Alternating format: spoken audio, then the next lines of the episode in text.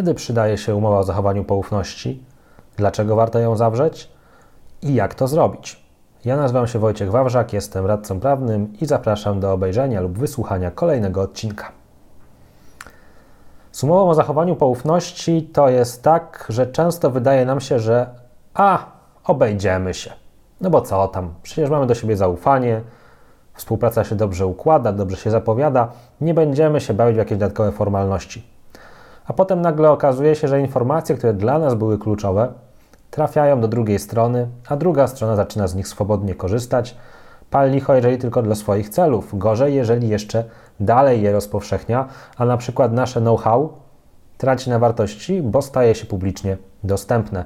Takim sytuacjom ma właśnie zadanie przeciwdziałać umowa o zachowaniu poufności. Jest taki kontrakt, który zawieramy wtedy, kiedy przekazujemy drugiej stronie jakieś informacje poufne, bądź ta druga strona ma dostęp do jakichś zasobów, w których te informacje poufne się znajdują.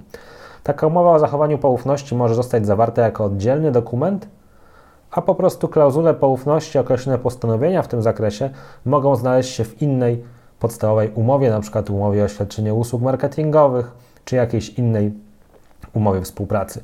Bardzo często ta umowa o zachowaniu poufności zawierana jest z pracownikami, współpracownikami, zleceniobiorcami, stażystami, ale nie tylko, bo również z klientami, z podwykonawcami czy z jakimikolwiek innymi podmiotami, z którymi toczymy jakieś negocjacje, rozmowy i chcemy zabezpieczyć się na wypadek przekazania im informacji o kluczowym dla nas znaczeniu. No dobrze, więc wiesz już, kiedy taką umowę warto zawrzeć? Pytanie, jak ją zawrzeć? W takiej umowie o zachowaniu poufności kluczowe są trzy elementy. Po pierwsze, trzeba właściwie zdefiniować informacje poufne, bo ja naprawdę bardzo często w swojej praktyce zawodowej obserwuję umowy, w których mamy tak ogólną definicję informacji poufnych, że tak naprawdę już w ogóle nie wiadomo o co chodzi i kiedy mamy do czynienia z informacjami poufnymi, a kiedy nie. W tym zakresie im bardziej szczegółowo, tym lepiej, żebyśmy później nie mieli problemów dowodowych, co było tą informacją, a co nie jest.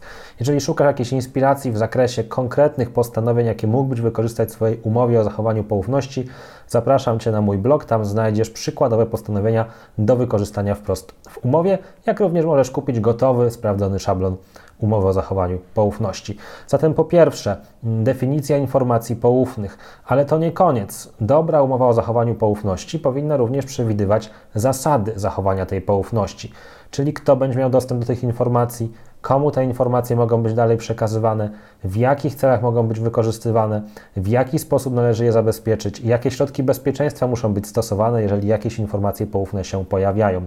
To wszystko powinno być w ramach takiej umowy o zachowaniu poufności opisane. Na przykład w naszym kancelaryjnym wzorze mamy na to poświęcone trzy oddzielne paragrafy, które od ogółu do szczegółu omawiają wszystkie istotne zagadnienia. Zatem definicja informacji poufnych po pierwsze, po drugie zasady zachowania tej poufności, zasady korzystania z tych informacji poufnych, a po trzecie odpowiedzialność związana z naruszeniem takiej umowy. Mm, no bo oczywiście można zawsze dochodzić odszkodowania na zasadach ogólnych, ale bardzo często wpadamy tutaj w taki problem dowodowy. Ciężko nam wykazać jakąś konkretną szkodę, ciężko nam wykazać związek przyczynowy. Kara umowna będzie tutaj ułatwiać. Kara umowna bądź świadczenie gwarancyjne, czyli takie instrumenty, które mają zadanie uprościć dochodzenie roszczeń z umowy o zachowaniu poufności i zawsze rekomenduję, żeby takie postanowienia w umowach NDA, w umowach o zachowaniu poufności się znajdowały. Powiedziałem o trzech elementach, ale teraz widzę, że jest jeszcze czwarty, czyli czas trwania tej poufności. Oczywiście tutaj jest taka pokusa, żeby uczynić to zobowiązanie do zachowania poufności dożywotnim, bezterminowym. Problem jednak jest taki, że kodeks cywilny przewiduje, że bezterminowe ciągłe zobowiązanie zawsze można wypowiedzieć, więc dużo bezpieczniej jest przewidzieć jakiś określony czas czas trwania tego zobowiązania, na przykład 3 lata. Ale uwaga, to od razu nie oznacza, że te informacje poufne tracą ochronę, bo pamiętajmy jeszcze, że przecież jest chociażby coś takiego jak tajemnica przedsiębiorstwa, która nie jest ograniczona czasowo. Dlatego zawsze po upływie okresu umownej poufności można próbować powoływać się jeszcze na tajemnicę przedsiębiorstwa, ochronę know-how, dobra osobiste.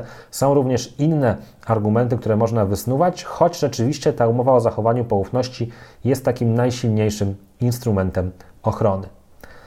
Wymiennie w tym materiale wspominałem też o umowie NDA. To tak naprawdę synonim. Umowa o zachowaniu poufności, umowa o zachowaniu tajemnicy, umowa NDA. Te terminy używa się zamiennie. Czasem pojawiają się jeszcze w umowie o zachowaniu poufności elementy umowy o zakazie konkurencji, czyli oprócz tego, że regulujemy poufność, to jeszcze regulujemy zakaz konkurencji i w moim blogowym sklepie możesz kupić umowę o poufności taką czystą, dotyczącą tylko poufności, ale również umowę o zachowaniu poufności wraz z elementami zakazu konkurencji. To wszystko na dzisiaj w tym krótkim wideo. Jeżeli chcesz wiedzieć więcej, jeżeli lubisz czytać o takich kwestiach, żeby sobie lepiej to utrwalić, to zapraszam na mój blog. Link znajdziesz w komentarzu, w opisie tego mm, odcinka. Śmiało częstuj się, a jeżeli masz jakiekolwiek dodatkowe pytania, pisz do mnie śmiało, zostaw komentarz, jesteśmy w kontakcie. No i mam nadzieję, że do zobaczenia w kolejnym odcinku. Trzymaj się ciepło, cześć!